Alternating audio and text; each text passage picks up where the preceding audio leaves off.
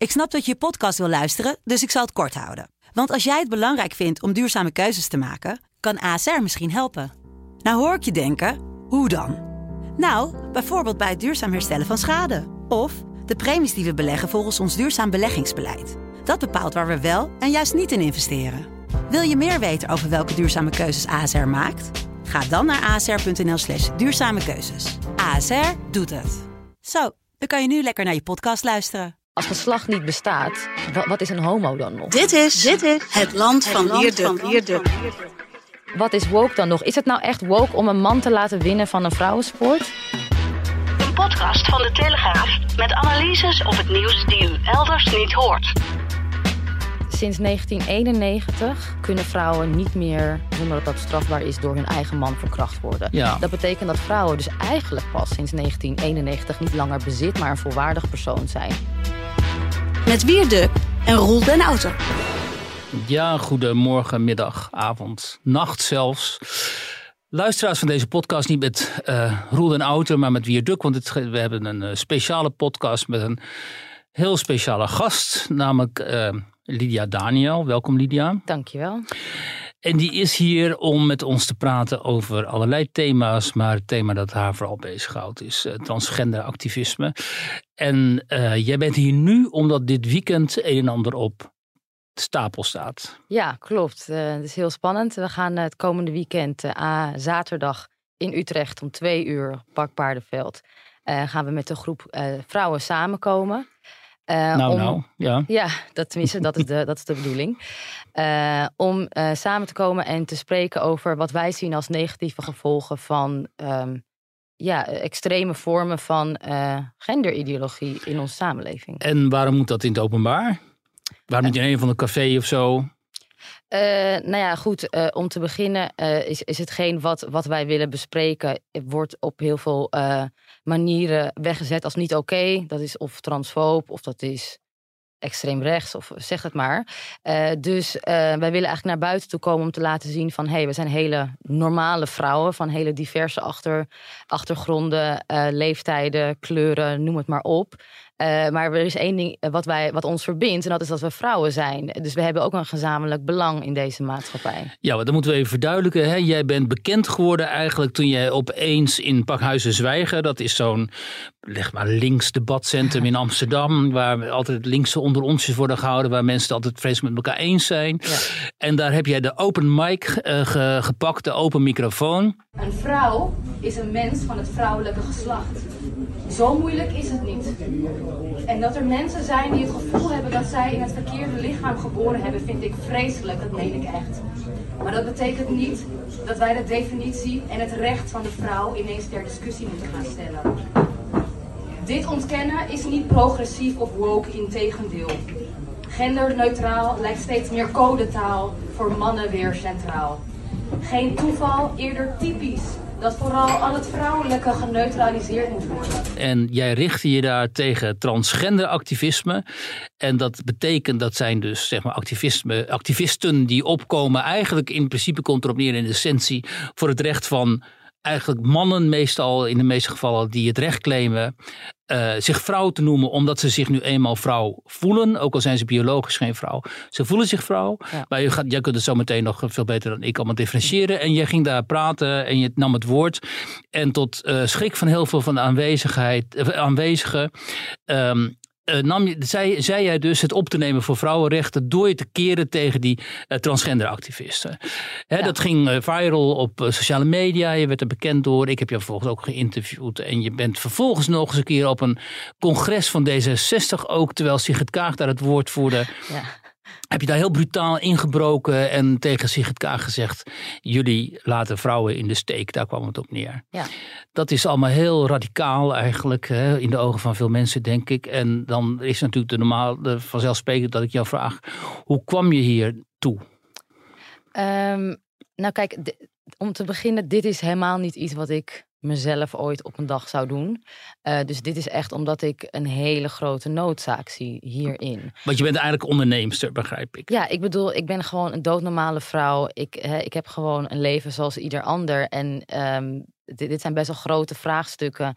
Ehm, waar, waarvan ik denk dat politici zich mee bezig zouden moeten houden. En vrouwenrechtenorganisaties. Maar dat gebeurt dus op dit moment niet. Eh, dus het is, het is eigenlijk dat ik het gevoel heb dat ik niet heel veel andere keus heb. Want dat, daar komen we vast eh, later ook nog wel op. De gevolgen hiervan zijn enorm voor vrouwen. Waarvan precies? Nou, kijk, eh, zoals je net zei, eh, ik maak me dan vooral druk om het feit dat mannen zich als vrouw kunnen identificeren. Maar het gaat natuurlijk eigenlijk om het hele idee dat mensen van geslacht kunnen veranderen. Eh, en dat we vervolgens gaan doen alsof geslacht niet uitmaakt in de maatschappij. Terwijl dat voor vrouwen eigenlijk het meest uitmaakt. Hè? Dat is waarom we deze discussies hebben over de vrouwensport, over de vrouwengevangenissen, over de vrouwen blijven aan mijn lijfhuizen en dat soort dingen. Want worden die dan bedreigd? Eh, ja, nou, die, die worden eigenlijk in feite afgeschaft op het moment dat je mannen daartoe toegang geeft. En daarvoor is één man eigenlijk al voldoende. Op het moment dat één man groen licht heeft, dat hij gebruik mag maken van die vrouwenkleedkamer, is er dus eigenlijk al geen vrouwenkleedkamer meer. Dan heb je dus letterlijk, hè, want heel veel mensen zal misschien niet helemaal duidelijk zijn wat hier nou speelt. Dan heb je het letterlijk over een man zoals ik, een biologische man, Ja. die zegt: Ja, maar vanaf vanochtend, eh, laten we zeggen 7 uur 45, voel ik mij vrouw. Ik identificeer mij nu als vrouw. Ik trek vrouwenkleren aan, hoewel ik eh, in alle opzichten biologisch man ben. En nu claim ik het recht om bijvoorbeeld deel te gaan nemen aan vrouwensporten. eh, in vrouwenkleedkamers mij te bevinden en anderszins mij te begeven in vrouwelijke ruimtes. Ja, en kijk, heel veel mensen hebben een bepaald beeld van deze transvrouwen. Dat is het ook. Hè. Zodra we hun een vorm van vrouw gaan noemen, dan hebben mensen daar een bepaald romantisch beeld van. Maar het gaat dus niet alleen om die ene influencer die je kent en hè, eh, eh, weet je, mensen zoals, weet ik het, Ni- Nicky de Jager of zo. Of die mevrouw die dan het, eh, het Miss, Miss Nederland verkiezing meen ik Ja, won. hè? kijk, dus, dus mensen hebben dat zeg maar als beeld, maar de wet geldt natuurlijk voor iedereen. Hè, dus niet alleen eh, voor hun, maar gewoon voor elke man die dat wil. En we zien dat ook in allerlei verschillende situaties. Wacht even, je hebt nu over een wet. Welke wet? Dat transgenderwet. Die, die stelt zeg maar hè, welke voorwaarden er eigenlijk zijn voordat jij officieel je van geslacht mag veranderen. Op papier dan. Hè. Het is een legale fictie. Mensen kunnen helemaal niet van geslacht veranderen. Maar hè, dus we hebben sinds 2014 is die transitie-eis losgelaten. Wat Dus- is de transitie-eis? Ja, de sorry, je moet alles uitleggen Ja, hier. dat maakt niet uit. Dus hè, voorheen zeiden we, als jij je als, hè, als man, je voelt je als een vrouw en je wilt van geslacht veranderen op papier, dan moet je bepaalde stappen doorlopen hebben. Jarenlange therapie, een, een, een, een, een fysieke transitie, waarbij ook allerlei operaties komen kijken en dat soort dingen. En dan, eh, als je dat allemaal hebt gedaan, is er gezegd in het verleden, mag jij officieel van geslacht veranderen.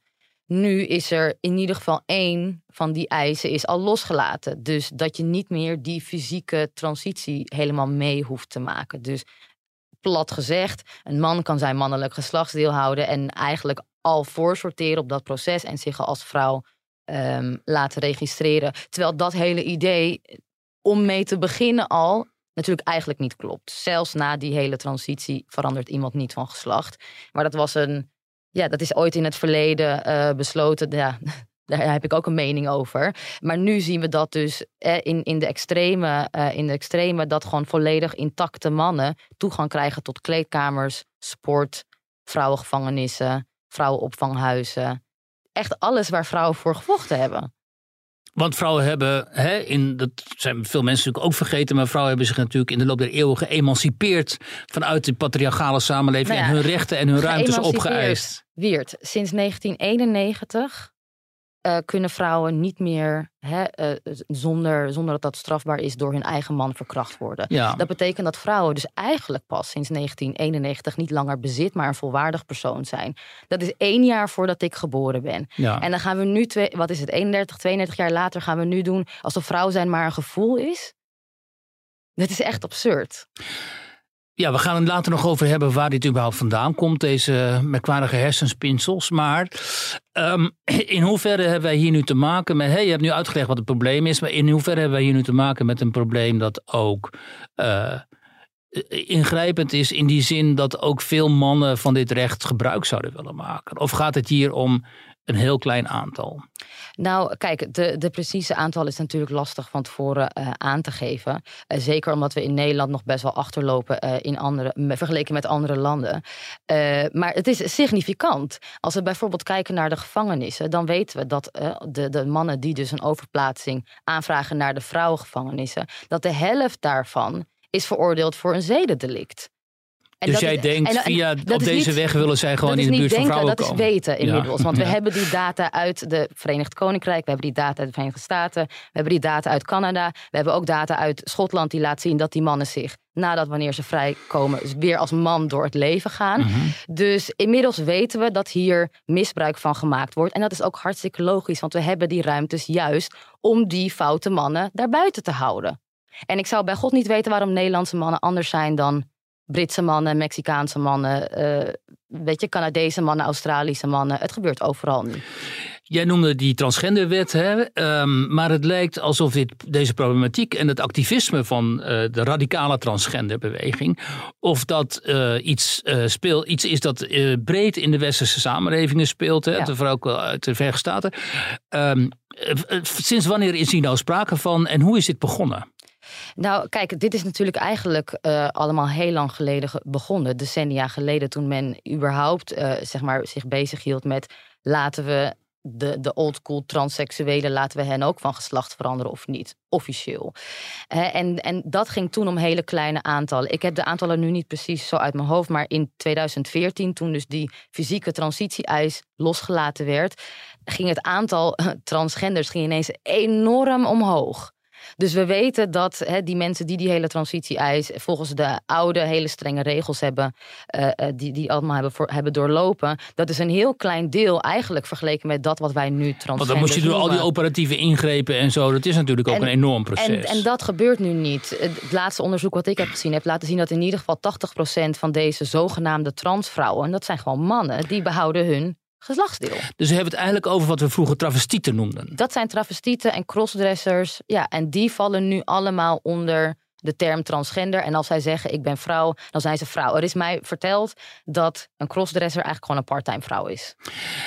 En waarom zouden zij, want ik ken ook natuurlijk, nou ja, niet natuurlijk, ik ken ook transseksuelen noemen we die dan, die door die transitie zijn gegaan, die van dit radicalisme niks moeten hebben, ook niet van het activisme, omdat ze vinden dat ze daardoor in een kwaad daglicht komen te staan. Ja, dat snap ik. Ehm, en waarom zouden dan deze crossdressers, zeg maar, travestieten, zo graag die het recht willen hebben om vrouw te worden genoemd? Is het dan omdat zij, omdat jij hen ervan verdenkt eh, toegang te willen krijgen tot die vrouwenruimtes? Nou, kijk, er zijn daar wel verschillende, verschillende groepen in. Eh, kijk, aan de ene kant heb je mannen die er van opgewonden raken als zij eh, door anderen als vrouw worden gezien. Daar is een Dat- term voor. Dat is daar is een term voor. eh autogenofielen zijn dat. En die, ehm, dus op het moment dat je, dat je diegene toegang geeft tot bepaalde ruimtes. En eh, soms is het niet eens een fysieke ruimte. Hè, gewoon dat je iemand vrouw van het jaar maakt of zoiets. Dat, daar hebben zij gewoon een erotische kick die ze Mhm. daarvan krijgen. Een soort, een soort fetish is dat. Dat is eigenlijk gewoon een fetish, ja. Dus je hebt die mannen, maar je hebt ook gewoon mannen die, die echt gewelddadig hebben. En die vaak ook al een verleden hebben van, eh, van geweld tegen vrouwen. Die, ja, voor hun wordt de deur gewoon geopend naar zo'n ruimte. Eh, Een voorbeeld uit Canada, dat was een serieverkrachter. Dat was dus al een serieverkrachter, een bekende serieverkrachter. En die kreeg toegang tot een opvanghuis voor dakloze vrouwen. Dat zijn Zo. de meest kwetsbare eh, vrouwen in de samenleving. En die heeft daar kunnen toeslaan. En dat is niet voor het eerst. Dus, hè, dus we weten dat er goede en foute mannen zijn. Weet je, maar we hebben die ruimtes omdat we gewoon simpelweg aan de buitenkant niet kunnen zien welke man heeft kwade bedoelingen en wie niet. Maar nogmaals, waarom is dit nu opeens zo actueel? En waarom is kennelijk eh, transgenderisme op dit moment een soort speerpunt geworden van de progressieve beweging? Een paar jaar geleden was het Black Lives Matter. En Ja. nu lijkt het wel of dat transgenderisme met al die schreeuwende transgenders via megafoon staan ze dan mensen aan te brullen en zo. Ja. Of zij opeens zeg maar, de, de, de vooruitgeschoven pionnen zijn van een brede links-progressieve militante beweging, de woke beweging eigenlijk. Ja.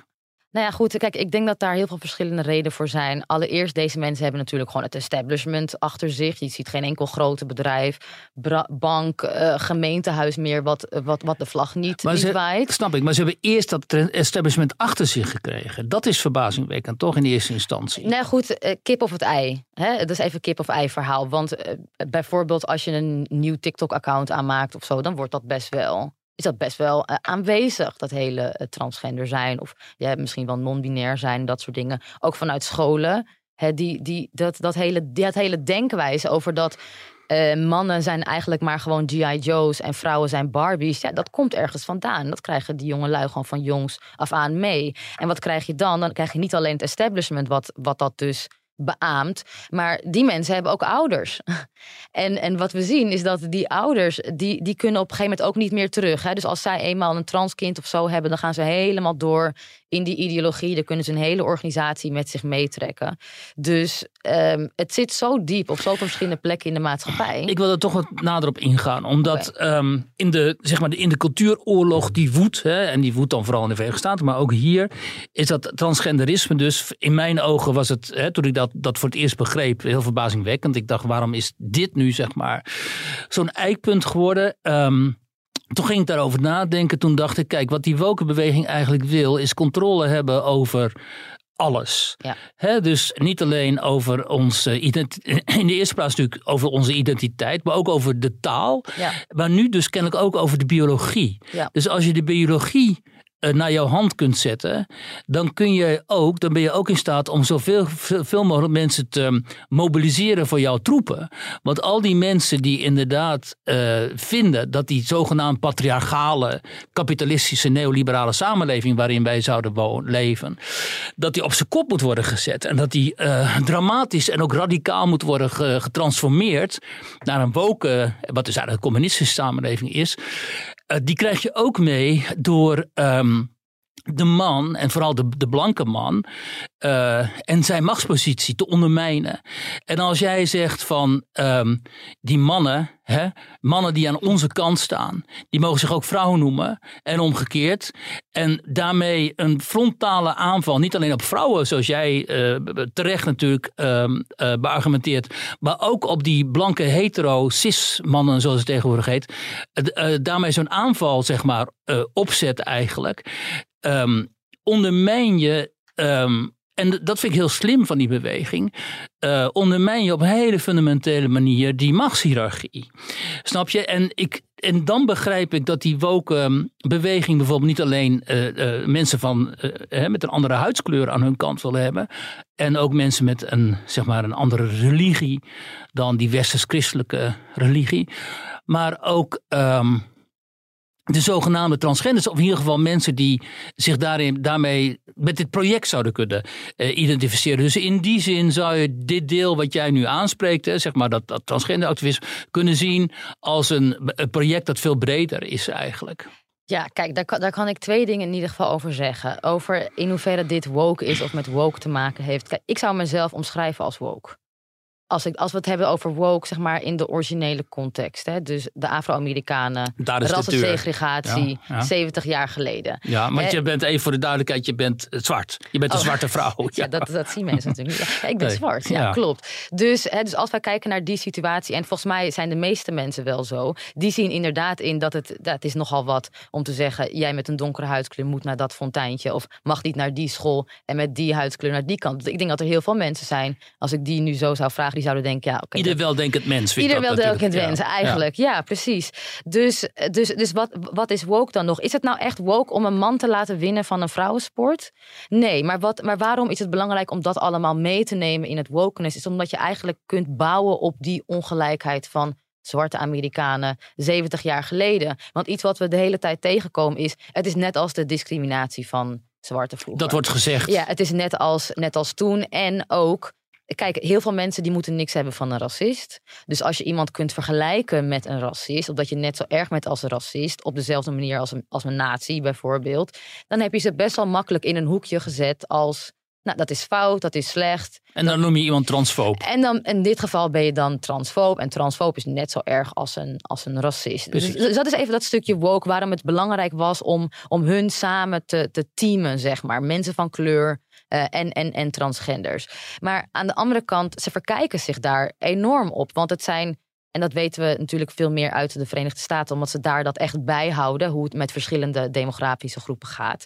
Daar zijn het juist de vrouwen, de Afro-Amerikaanse vrouwen, die het hard te lijden hebben onder deze hele genderideologie. Want kijk, we kunnen, hele, we kunnen hele discussies voeren over wat precies de oorzaak is, maar het is nu eenmaal zo dat, Ja. dat de Afro-Amerikaanse vrouwen hebben zeven keer meer kans om in de gevangenis te belanden. Mhm. Dus wie denk je dat er nu met verkrachters opgesloten worden? Snap je wat ik bedoel? Dus er is ook een bepaalde clash binnen dat, dat hele clubje wat woke zo bij elkaar heeft gegooid. Over in hoeverre dat samengaat. Hetzelfde zien we nu in de Verenigde Staten in Pennsylvania. Daar zien we Ara Arabier, Mhm. Eh, we zien bijvoorbeeld Ethiopische christenen. Eh, we zien heel veel verschillende niet-westerse groepen, maar die dan bijvoorbeeld religieus zijn, Mhm. die ook niet met deze ideologie door één deur kunnen. Dus, eh, maar goed, dat is ook tegelijkertijd inherent onderdeel van deze hele beweging. En het is dan ook niet gek dat anarchisten zich enorm tot deze beweging aangetrokken voelen. Het maakt namelijk heel veel kapot in de weefsel van deze maatschappij. Dat zeg je, het ondermijnt de Ja. structuren van deze samenleving. Kijk, en, en ik begrijp het. Jij kijkt er natuurlijk naar op een manier van... Hè, wat doet dit met de wit, eh, cis-hetero eh, man nou, meer of wat doet het whatever. met, de, met, met deze samenleving en Ja. de manier waarop deze samenleving in principe is opgebouwd. Uiteraard. En, en ik kijk ook naar deze samenleving, weliswaar vanuit een andere invalshoek. En ik zie eigenlijk hetzelfde. Want we hebben heel veel in deze maatschappij hebben we ingericht voor vrouwen, voor kinderen. En dat maakt dit ook een, een, een, een echt beschaafd land. Mhm. Weet je? Eh, en, eh, en op het moment dat, dat, dat je daaraan gaat tornen. En überhaupt ook tornen aan zoiets simpels. wat iedereen kan zien: een man en een vrouw. Dat kan je een vierjarige vragen wat een man en een vrouw is. En ik vind het doodeng dat je zoveel mensen zover kunt krijgen om zo'n objectieve waarheid te ontkennen. En dat is wanneer het echt gevaarlijk wordt. Nou ja, wat jij zei eerder, van ze hebben het establishment achter zich staan. Ja. Maar hoe kan het nou? Want je zou toch verwachten dat het establishment ook voor een deel bestaat uit hoger opgeleide, redelijke, intelligente mensen. Hè? Ja. Zowel in bestuur als politiek, als media, als bedrijfsleven en zo. Ja. En die scharen zich dan inderdaad massaal achter deze aantoonbaar feitenvrije, onwetenschappelijke ideologie. En niet alleen dat, nog erger, eh, een bedrijf als het ene bierbedrijf in de Verenigde Staten, weet je nog, die Ja. hebben dan zo'n eh, overduidelijk totaal hysterische transgender inge, die denkt dat die vrouw is. Ja. Ingehuurd om reclame voor hen te maken. Waarop dus on- on- onmiddellijk de, de verkoop van dat merk enorm instortte. Dus, Maar dan daar zie je dus dat de, de, de consument daar veel meer gezond verstand heeft. dan eh, die mevrouw die door het bedrijf was ingehuurd. om daar een diverse eh, reclamecampagne op te zetten. Ja. Maar hoe kan dat nou? Waarom Kijk, ik- verliezen dan opeens, verliest men dan opeens de feiten uit het oog? Ik denk dat het is natuurlijk ook wel. ehm, als je vanuit een hele ja, geprivilegeerde positie kunt beredeneren over. Oh ja, maar dat ik een vrouw ben. Oh, jij kan ook net zo vrouw zijn. Ja, dat is lekker makkelijk als jij veilig bent. Hè, als, jij, eh, als jij zelf niet zoveel eh, te maken hebt met armoede. Als jij zelf bijzonder weinig kans maakt om in de gevangenis terecht te komen. Als je zelf statistisch gezien veel minder in aanraking komt met huishoudelijk geweld. Ja, dan is het heel makkelijk. Weet je, als jij een, een of andere managementfuncties hebt. waarbij je hetzelfde verdient als je collega. want daar is zo hard voor gestreden. dan is het heel makkelijk om te roepen. Hè, er is geen verschil tussen geslachten en het is allemaal maar hetzelfde. Maar juist daar waar het uitmaakt, is. We kunnen eigenlijk niet zonder. Dus het is ook wel ontzettend geprivilegeerd. En het, het- ja, het is echt een, en ik wil het bijna niet zeggen, maar een white upper class thing. om hier zo makkelijk eh, mee om te gaan. Dus in die zin voel je ook een sociale strijd. Het is zeker een sociale strijd, ja. En het ergste is dan nog wel dat, dat, dat het ook vooral jonge lui zijn... Hè, die daaronder te lijden hebben... die niet zelf onderdeel zijn van, eh, van die elite eigenlijk. Nu zien we twee dingen. Hè? Aan de ene kant die afgrijzelijke beelden van ouders die, al, die hun kinderen min of meer pushen in dat eh, transgender frame. Ja. Veel moeders heb ik de indruk die eigenlijk liever een, zeg maar, een meisje hadden gehad. En die, dan, die zie je dan op video's opdraven met hun jongetje Ja, van vijf, zes. Hè? Andersom ook, maar Ja. in dit geval ja, dat. En dan, hè, dan maken ze hun kinderen wijs dat ze eigenlijk van een ander geslacht zouden moeten zijn. Waarschijnlijk omdat die ouders liever zelf een kind van een ander geslacht hadden gehad. En aan de andere kant eh, dan de, de weerstand hiertegen, bijvoorbeeld in de vorm van die zwemster, die Amerikaanse zwemster, die Riley niet heeft geaccepteerd dat daar een man eh, een titel van haar wegkaapte en die ook in de media echt een strijd is begonnen. Hoe begrijp jij, laten we die, die twee even ontleden, hoe begrijp jij in de eerste plaats die ouders die dan, hoe kijk je daarnaar, die ouders die hun kinderen eigenlijk pushen om ook uiteindelijk tot operaties over te gaan. En dan moeten we ook even hebben over wat jij weet over wat er is toegestaan in Nederland op dat gebied eh, en wat niet. Pubert- puberteitsblokkers en zo. Kijk, eh, in Nederland wordt er in principe niet eh, geopereerd totdat je 16 bent. Vanaf 16 jaar kunnen meisjes ervoor kiezen om beide borsten weg te laten halen. Puberteitsblokkers al veel eerder. Maar Ja, oké, dus, die, dus die ouders, er zijn natuurlijk heel veel verschillende ouders. Hè. Sommige ouders die hebben daar wel, wel degelijk problemen mee. Maar er wordt dan hun verteld vanuit, vanuit artsen en vanuit genderklinieken van ja, heb je liever een zoon of een, een dode dochter? Dat, dat is eigenlijk gewoon de harde keuze. Waarom waar een dode dochter? Omdat er wordt, er wordt die mensen verteld dat als zij hun kinderen niet in transitie laten gaan, de kinderen dan waarschijnlijk zelfmoord zullen plegen. Dus het is eh, voor, voor zulke ouders is het Hier heb jij voorbeelden van. daar hebben we echt voorbeelden van. Eh, dat zal ik dan ook wel vandaag wel even posten op mijn Twitter. Heel goed, ja. Eh, snap je? Dus, dus, dus voor die ouders, dat is even nog een geval apart. Dan heb je echt ouders die hun kinderen eigenlijk pushen. Dat kan of zijn omdat ze liever een kind van een ander geslacht wilden. Eh, dat kan zijn omdat ze gewoon een kind willen die speciaal is. ja. Je kunt ermee pronken, hè? Virtual signalen Ja, je kunt er enorm mee pronken. En dat is ook misschien een beetje onderdeel van dat hele woke denken. Er is de Oppression Olympics. Ja, dus Mhm. de, de meest gemarginaliseerde. Een, een, een, een transgender staat nu boven vrouwen, boven personen van kleur. Ja, het is niet om, te geloven, om, ja. om, om even in die termen te spreken van wie is er, wie, wie is er het meest eh, zielig in de maatschappij. Eh, dus, eh, en een witte man staat dan helemaal onderaan, want die heeft dan hè, de hele maatschappij achter zich Ja. en het is voor hem gebouwd. Maar zodra hij een jurk aantrekt, tut, tut, tut, gaat hij helemaal zo naar boven.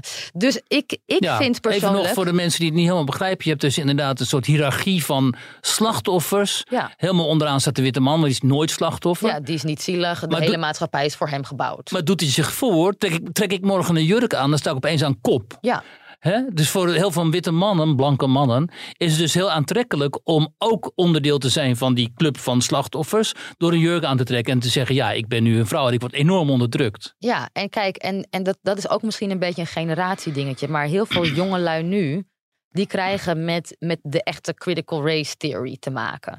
En dat is natuurlijk wel gebaseerd grotendeels op feiten. Er was slavernij, er is kolonialisme en dat soort dingen. Maar dat wordt zo erg opgeblazen alsof elke witte persoon of elke blanke persoon daar dus schuldig aan is. Ja. En elke zwarte persoon daar tot de dag van vandaag aan te lijden heeft. Daar zit natuurlijk veel meer nuance in. Maar als je eenmaal dit hebt geleerd van jongs af aan en jij studeert nu op de universiteit of, of, of zo, En je bent een blanke jongen. dan kan ik mij heel goed voorstellen dat jij jezelf als non-binair, weet je, of trans. Want je kunt jezelf dus eigenlijk uit die zelf opgelegde Daderrol. rol van, van dader kun je jezelf uit, uitidentificeren. Eh, Ik heb, ik heb er één plaatje van, die is heel telling. Dan zie je een transgender voor zo'n Black Lives Matter vlag staan. En dan daarnaast nog een andere vlag met Race Trader. Dus snap je dat? Het is echt dat ik, maar ik ben niet zo. Ik ben echt anders. Ik ben net zoals jullie. Mijn onderdrukking is net zoals jullie. En wij kunnen samen optrekken. En ik ben niet die, die persoon. Dus je ziet hier, de, de druk op blanke jongens is natuurlijk enorm. Vooral in de Verenigde Staten. Die zijn natuurlijk bezig met hoe, hoe kan ik uit die rol, uit die daderrol ontsnappen. Of Ja. aan die daderrol ontsnappen. Ja. Weet je wat, ik zeg dat ik een vrouw ben en prompt ben je een van de slachtoffers. Ja, want bijvoorbeeld, kijk, ik, ik voer dan heel veel discussies met, met die trans-identificerende mannen. En als ik het dan heb over hè, waarom het belangrijk is dat we vrouwenruimtes hebben, dan zeggen zij ook van, ja, maar ik. Eh, ik zeg niet dat jullie geen vrouwenruimtes moeten hebben, maar het zijn de cis-mannen. De cis-mannen. Die, weet je, die. Cis-mannen ben ik, blanke Ja, d- hetero d- mannen. Dus, dus gewoon een man die ook gewoon zegt: Ik ben een man, Ja. ik voel me man. En die, die dus niet zegt: Ik ben een vrouw. Gewoon een man. Ja, ja. God, hoe moet ik het nog omschrijven? Ja. Dus, eh, dus, dus zij wijzen dan meteen naar cis-mannen. Wat dus eigenlijk betekent dat zij wel degelijk begrijpen dat mannen als groep. Niet, niet per se alle individuen, maar mannen als groep kun je gewoon niet in alle ruimtes laten met mannen als vrouw. Zonder... Want ze wijzen naar cis-mannen als mogelijke daders in vrouwenruimtes. Dat bedoel je te zeggen. Ja, dus, dus dan, stel ik heb dan een discussie met, met, met, een, met zo'n trans-identificerende man. En ik zeg dan, ja oké, maar we hebben gewoon eigen vrouwengevangenissen nodig. Eh, dan is een van de antwoorden van, ja maar wij zijn ook niet veilig met die andere mannen. En met die andere mannen bedoelen ze dan cis-mannen. Oh ja, dus als zij als transman of transvrouw, wat zijn ze dan? Dat is mij nooit helemaal duidelijk. Nee, Nou, als man die denkt dat die vrouw is Ja. in een mannengevangenis komt, Ja. dan zijn zij zogenaamd ook niet veilig, want hij loopt daar niet in een gewoon gevangenispak, maar in een gevangene jurk. Nou ja, kijk, dus, dat is natuurlijk ontzettend idioot. Eh, maar ja, goed, dat is wel waar het op neerkomt. Dus zij claimen dat zij niet veilig zijn bij de andere mannen. ja. Dat zijn de foute cis-mannen. Eh, en dus willen zij bij de vrouwen erbij. Maar blijkbaar mogen zij wel bang zijn voor andere mannen. Maar mogen vrouwen niet zeggen, nou wij voelen ons niet prettig met die man erbij. Ja. We komen zo meteen nog even op die, uh, die zwemster, maar nog als tussendoor even vanuit de homoseksuele beweging. Ja. Bestaat er veel, uh, zeg maar, sceptisch ook over dat transgender activisme. Hè? Kun je dat Ja. eens uitleggen? Dus de homoseksuelen die zeggen wij willen ons in onze, zeg maar, um, in ons activisme afscheiden van die transgenderbeweging.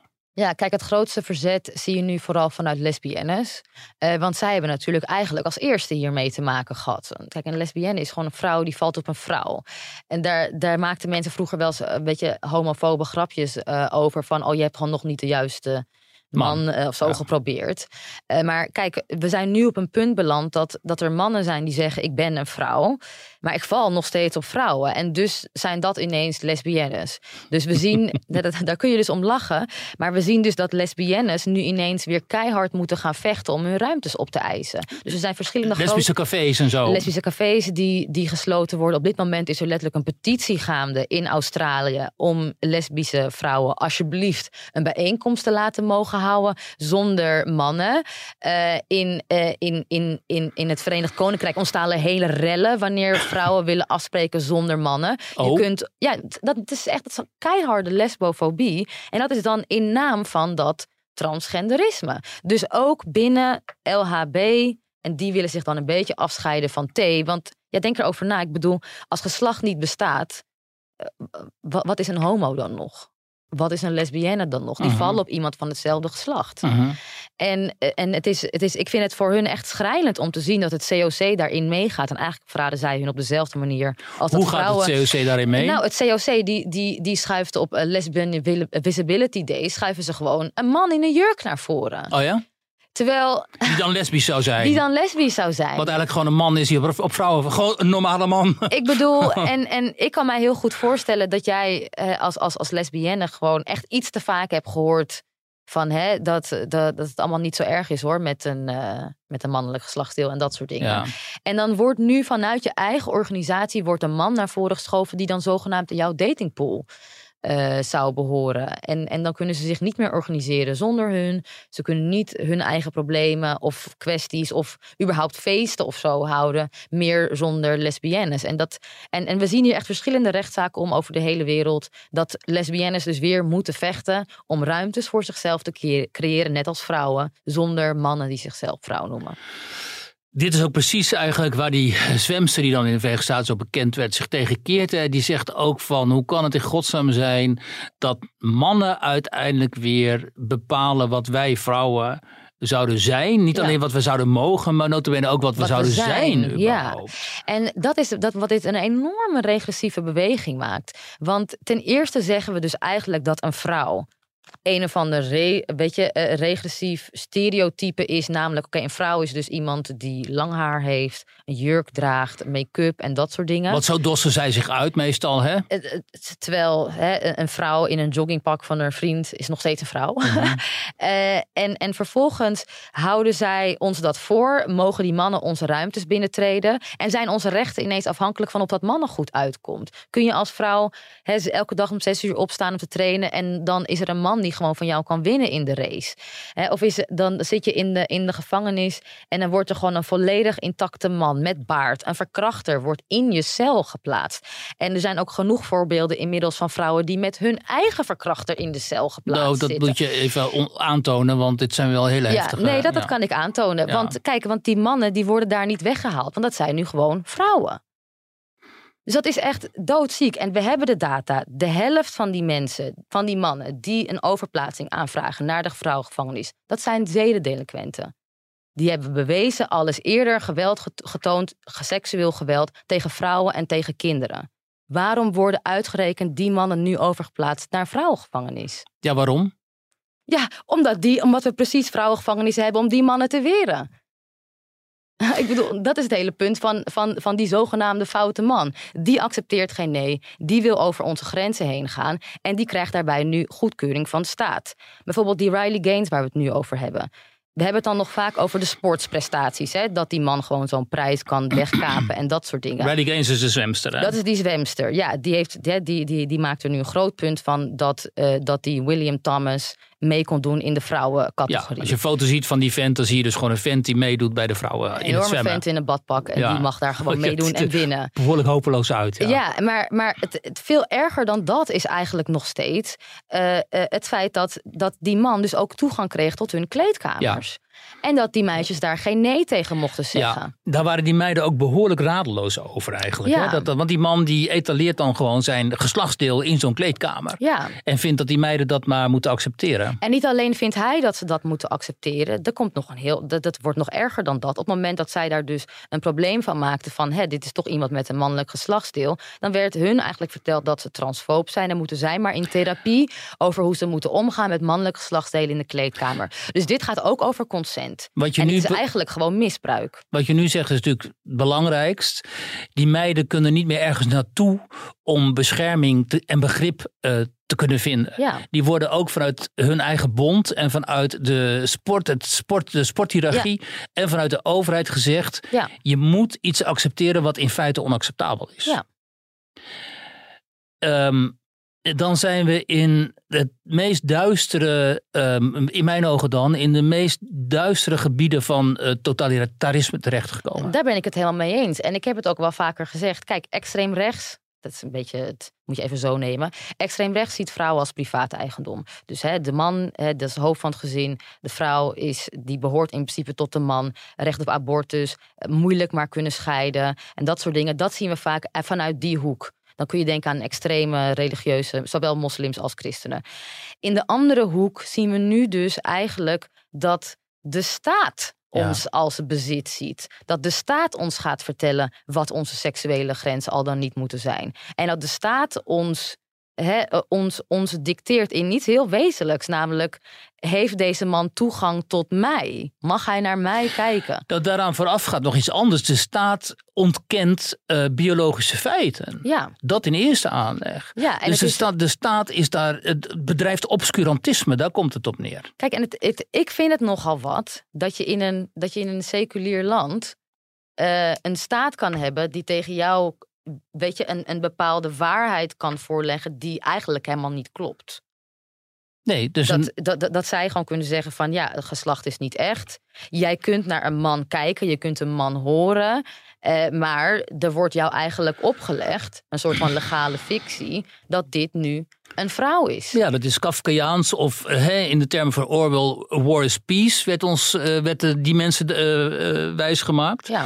En in dit geval is het dus, je maakt iemand wijs dat een man een vrouw is. Ja, en daarom ben ik heel erg benieuwd naar wat het OM gaat doen met die aangifte tegen mij. Uh, want, ja, Welke aangifte is ik, dat? Ik heb een man een man genoemd. en daar is hij niet zo blij mee. Want ja, hij, goed, dat is een transvrouw. Ik, ik zeg altijd hij tegen alle mannen. Uh, en dus kun je daar een probleem mee krijgen met misgenderen. En nou hebben we op zich die wet in Nederland nog niet. Maar op heel veel plekken in de wereld is dit inmiddels al strafbaar. En kun je daar vervolgd voor worden. Dat is dus een, een man die denkt dat hij vrouw is. Ja. En die wil dan vrouw worden genoemd, ook door jou. En jij noemt hem gewoon hem of haar eh, man. Ja, en ik, goed, ik heb hem besproken. Omdat dat is één. Dat hij, hij is de persoon die, die die rechtszaak heeft aangespannen bij het College van de Rechten van de Mens over het feit dat hij niet bij de vrouwenkleedkamer naar binnen mocht bij die sportschool. Deze man was intact, ja. in ieder geval toen in de tijd.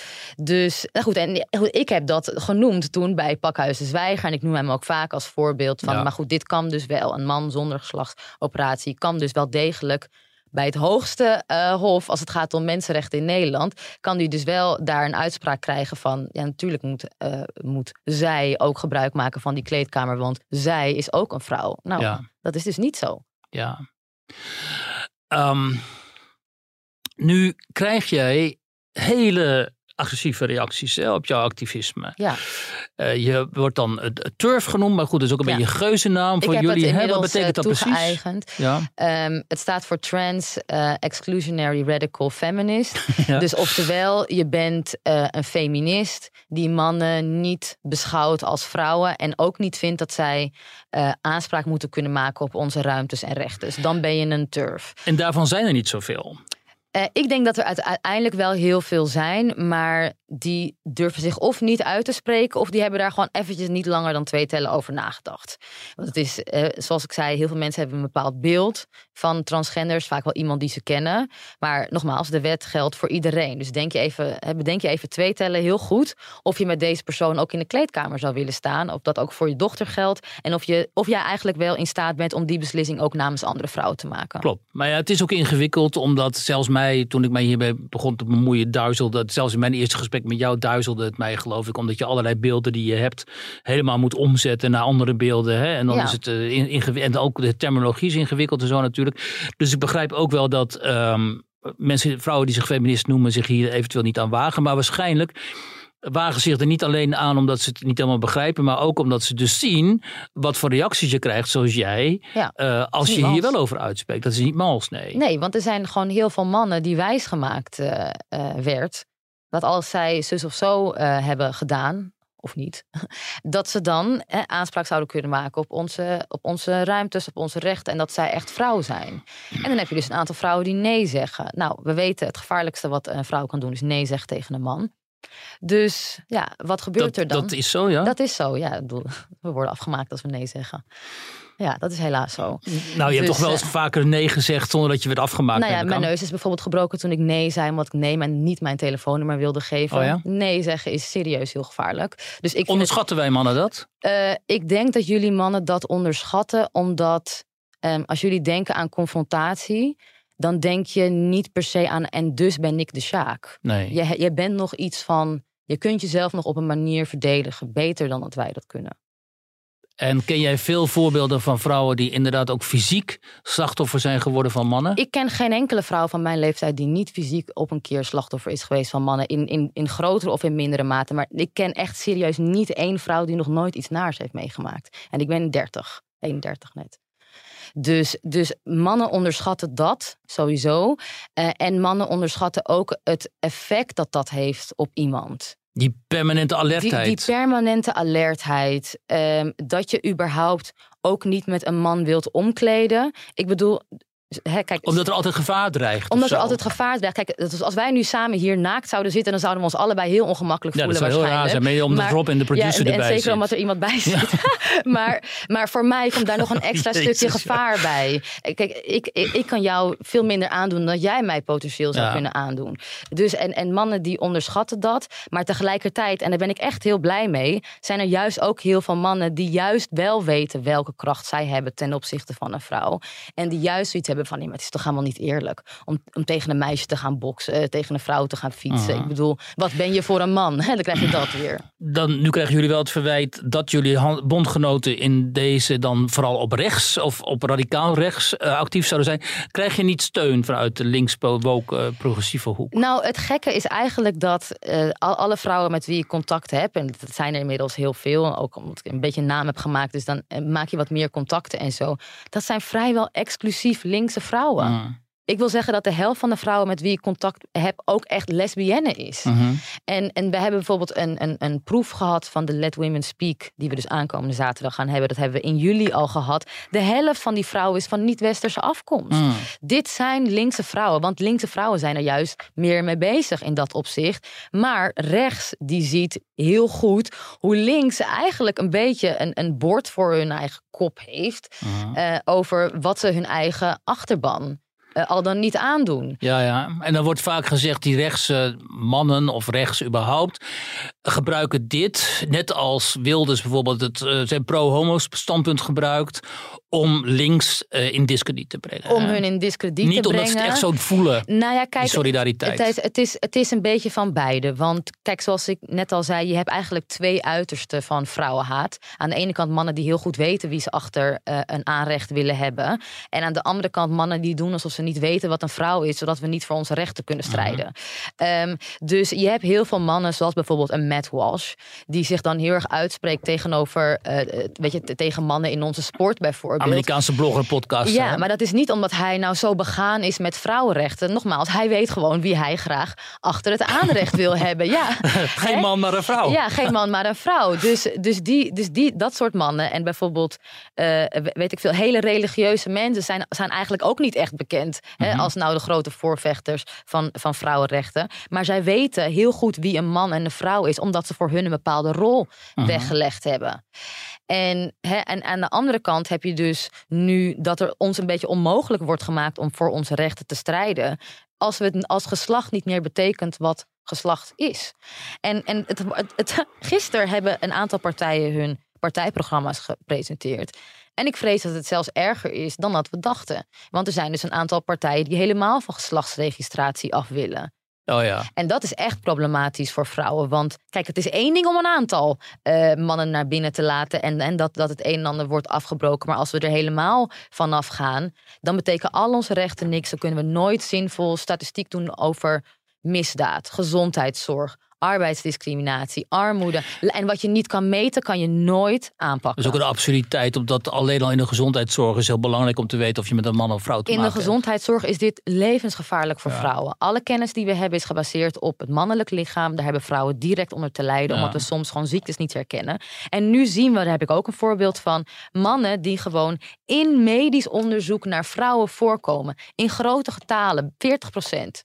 Oh ja? Wat voor onderzoek is Het was, het was een onderzoek naar apenpokken. Dus dat, is, dat is nogal wat, hè? Want dat, is dus een, dat was net toen net dus de monkeypox hier zo in het Mhm. westen rondging. De, we komen net uit corona, dus iedereen is toch heel erg benieuwd van hè, wat, wat betekent dit? Want bijvoorbeeld met de vaccins zagen we ook dat, dat het effect had op de menstruatie van meisjes en vrouwen. Mhm. Waarom? Ons lichaam is gewoon anders dan die van mannen. Meer bl- bloedproppen ook volgens mij bij En- vrouwen. en hè? ja, dus, dus het is belangrijk om vrouwen echt apart te onderzoeken Ja. dan mannen. En, ja, en dan ga je dus nu een onderzoek doen naar wat is het effect van apenpokken bij vrouwen. En dan is vervolgens 40% van de respondenten is gewoon geboren als man.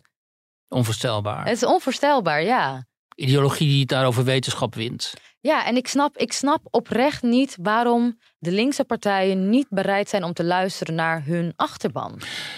Nou ja, een deel van die achterban denkt er natuurlijk precies zo over als die partijen. Dus een deel van die achterban, dat zijn juist die mensen die hun kind naar voren schuiven. Hè? Dat Ja. eh, het nodig in transitie zou moeten en zo. Dus ehm, Ja, maar ehm, goed, maar, maar kijk, Wiert. Ga mij niet vertellen dat, dat een partij als Partij van de Dieren of GroenLinks... dat zij dus wat, geen oog hebben voor vrouwen in de gevangenis? Dat zij denken, nou, vrouwen in, in blijf van mijn lijfhuizen... dat zij, eh, dat, dat, dat, dat, behoort niet tot, tot hetgeen wat wij belangrijk Nou, vinden. Want heel- dat, zo zeggen ze dat wel namelijk. Ze zeggen Ja. altijd dat ze er voor iedereen zijn... en voor de meest kwetsbaren. ja, maar dan speelt wie staat het hoogste in de Nou ja, slachtofferhierarchie. en, en, kijk, en dan dat zijn niet die dus vrouwen in de terug. gevangenis. Dat zijn dus niet vrouwen of personen van kleur. Nee, we gaan helemaal terug naar beneden die piramide.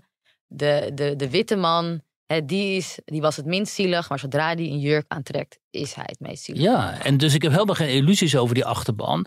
Al helemaal niet tot op, gezien wat mensen zoals jij over je heen krijgt. Ja. Vanuit die hoek. Van, vooral vanuit die hoek. Ja. Ja. Dus ehm, terwijl jij hier voor in mijn ogen een volstrekt op feiten gebaseerd eh, redelijk verhaal ophangt. Ja. Wat je door deze mensen verkettert als ze ongeveer. De, de- nou, je bent nog net niet de duivel, geloof ik. Ja. En ze durven zich nog net niet racistisch te uiten, hoewel je af Nou, wel. ze uiten zich ook wel racistisch Ja, hoor. Ja, zeker. Oh ja, als, vertel, wat is je mag gebeurd blij zijn dan? dat je hier zit en dat soort dingen. Oh ja? En eh, oh, eh, jij, ja, jij, jij hebt het gewoon niet zo op met LHBTI omdat je uit eh, Eritrea komt. Weet je, dat Oh soort ja. dingen. Terwijl Want dat zijn mensen allemaal eh, homo en transfoob of zo.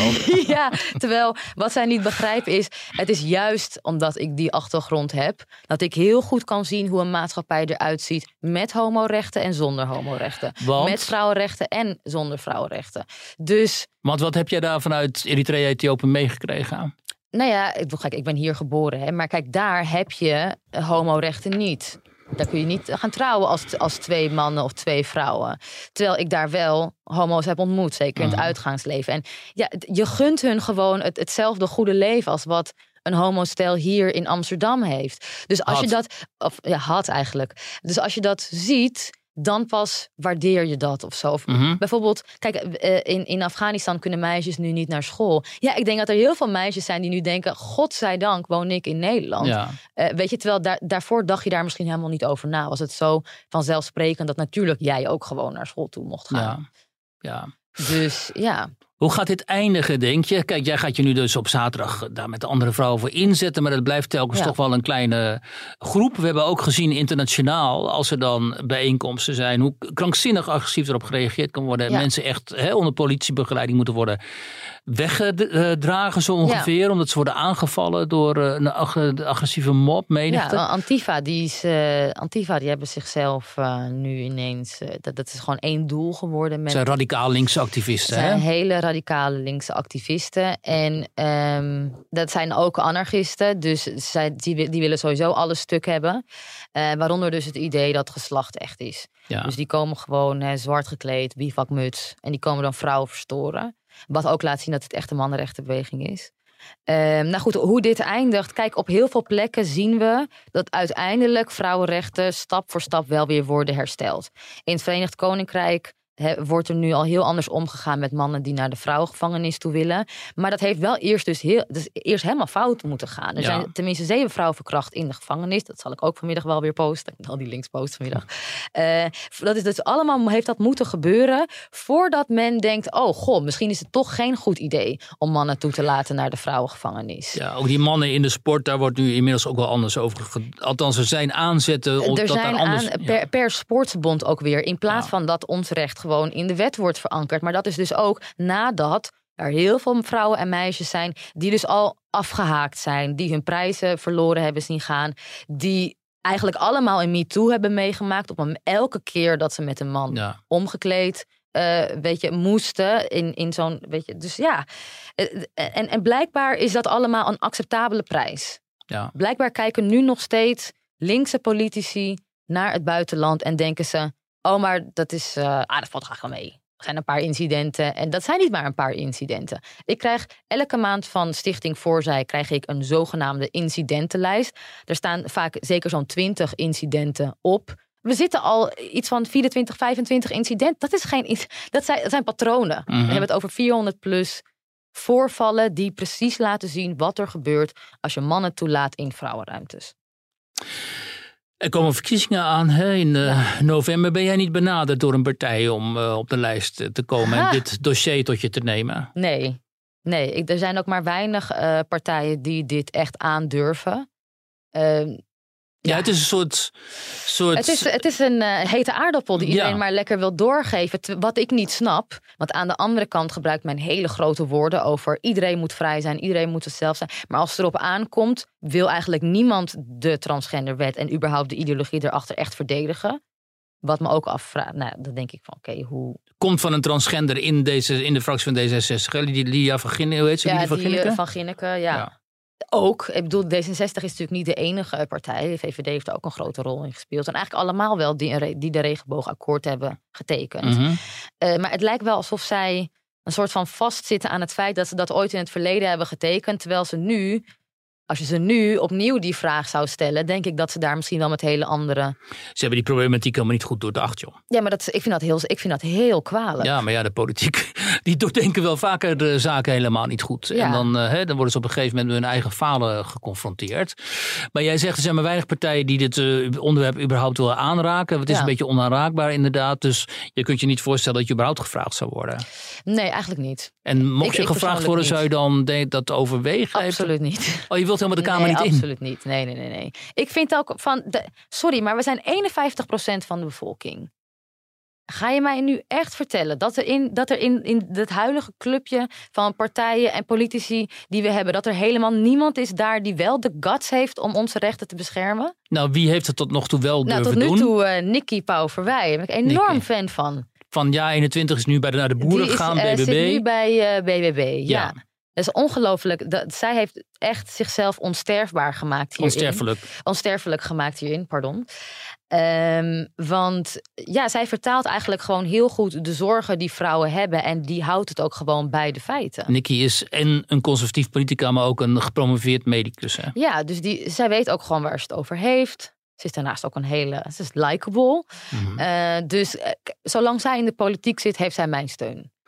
Dus ehm, nou ja, ze blijft wel in de politiek, want ze gaat op de lijst van de BBB. Dus ze zal Ja. ongetwijfeld weer in de Kamer. eh, ja, maar goed, maar, ik, maar nogmaals, het, het, ja, ik, ik heb er bijna geen woorden voor dat dat er dus maar één is. En natuurlijk is het er maar niet, niet maar één. Er zijn, meer, er zijn wel een aantal andere mensen die zich daar echt voor hebben uitgesproken. Maar ik vind het bedroevend weinig. Noem als laatste nog voor onze luisteraars die voor het eerst misschien met dit probleem worden geconfronteerd. Een paar namen internationaal van mensen waarvan jij vindt dat die verdienen om aandacht te krijgen. Ehm, zoals bijvoorbeeld eh, de zwemster over wie we het hebben gehad. Maar misschien Ja, zijn er ook andere Riley mensen. Gaines. Ja, iemand die echt eh, heel diep in mijn hart zit. Ik heb haar eigenlijk nooit, natuurlijk nooit ontmoet, maar gewoon één keer naar haar verhaal geluisterd. Dat is een vrouw, Tomikia Johnson heet Mhm. ze. Dat is een van de vrouwen in de gevangenis in Californië die dus de staat aanklaagt omdat ze met een man opgesloten Mhm. werd. En waar Eh, kunnen we haar lezen of zien? Ehm, nou, de, goed, haar zaak is eh, in principe publiek en haar, haar advocaten die, en er zijn meerdere organisaties met haar bezig. En soms dan wordt ze vanuit de gevangenis doorverbonden en dan kun je naar haar verhaal luisteren op Twitter. Mhm. Ehm, en van haar leren we heel veel hoe het eraan toe gaat in zo'n eh eh, vrouwengevangenis, waar dus mannen toegelaten worden. En voor de goede orde, zij is in de cel geplaatst met een man als een weddenschap, omdat zij een, voormalige agent is. Dus kijken hoe lang zou een voormalige agent het volhouden met een gewelddadige man in haar cel. Eh, wacht even, door Ja. wie? Door wie is die Door- man daar dan geplaatst? Door, door, door medewerkers van, van de gevangenis. Maar hoe geloofwaardig is dit? Nou, eh, volgens mij best geloofwaardig, want dit wordt ook in de zaak besproken. Ehm, en kijk, en voor de goede orde, dat je even begrijpt over wat voor hel we het hebben. Want jij hebt waarschijnlijk Nederlandse gevangenissen in je hoofd. Dit zijn dezelfde gevangenissen al waar ze slechts enkele jaren geleden zijn gestopt met eh, geforceerd steriliseren van vrouwen. Dus we hebben het ook wel, we hebben het dan misschien over de Verenigde Staten, maar dit is bijna een de- ander rechtssysteem. is het bijna derde wereldland, eh, geen rechtssysteem, zeg Mhm. maar. Eh, dus dat is iemand eh, waarvan ik denk, die moet je zeker volgen.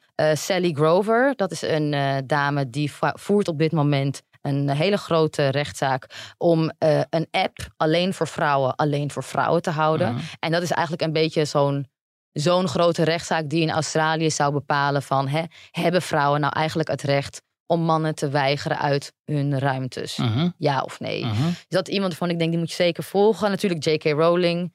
Dus, Ja, eh, want J.K. Rowling's reputatie is ook ernstig geschaad door het feit dat ze zich eigenlijk net zo uit als jij, hè? ja, ja, ja, goed, ja en nee. Aan Nou ja, mag niet meer op feestjes van haar eigen, van haar eigen films en boeken komen. hè? Ja, kijk, dat, dat, dat is natuurlijk één. Maar aan de andere kant, eh, er zijn ook vrouwen die juist vanwege dit haar enorm Tuurlijk, geweldig vinden ja. natuurlijk. En zij heeft ook uit, zij heeft uit eigen zak betaald.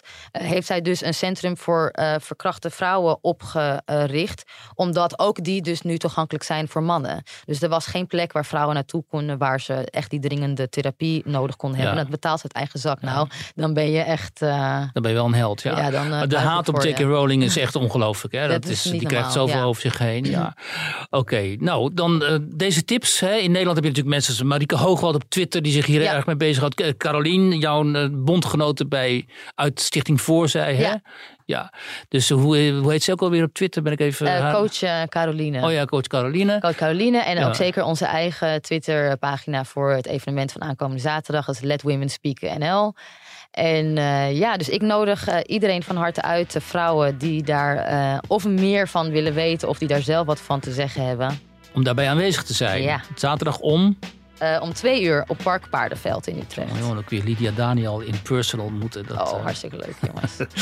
Lydia, heel veel dank je voor, voor echt een eh, heel goed verhaal. Dank je wel. Ongetwijfeld kom je nog een keer terug om deze gekte nog eens een keer met nou, intelligentie te duiden. Ja, misschien is het wel voorbij allemaal. nou, dan Nou, kom je dat duiden, dan is het voorbij en dat is alleen maar goed. Dat is goed. Dank je wel.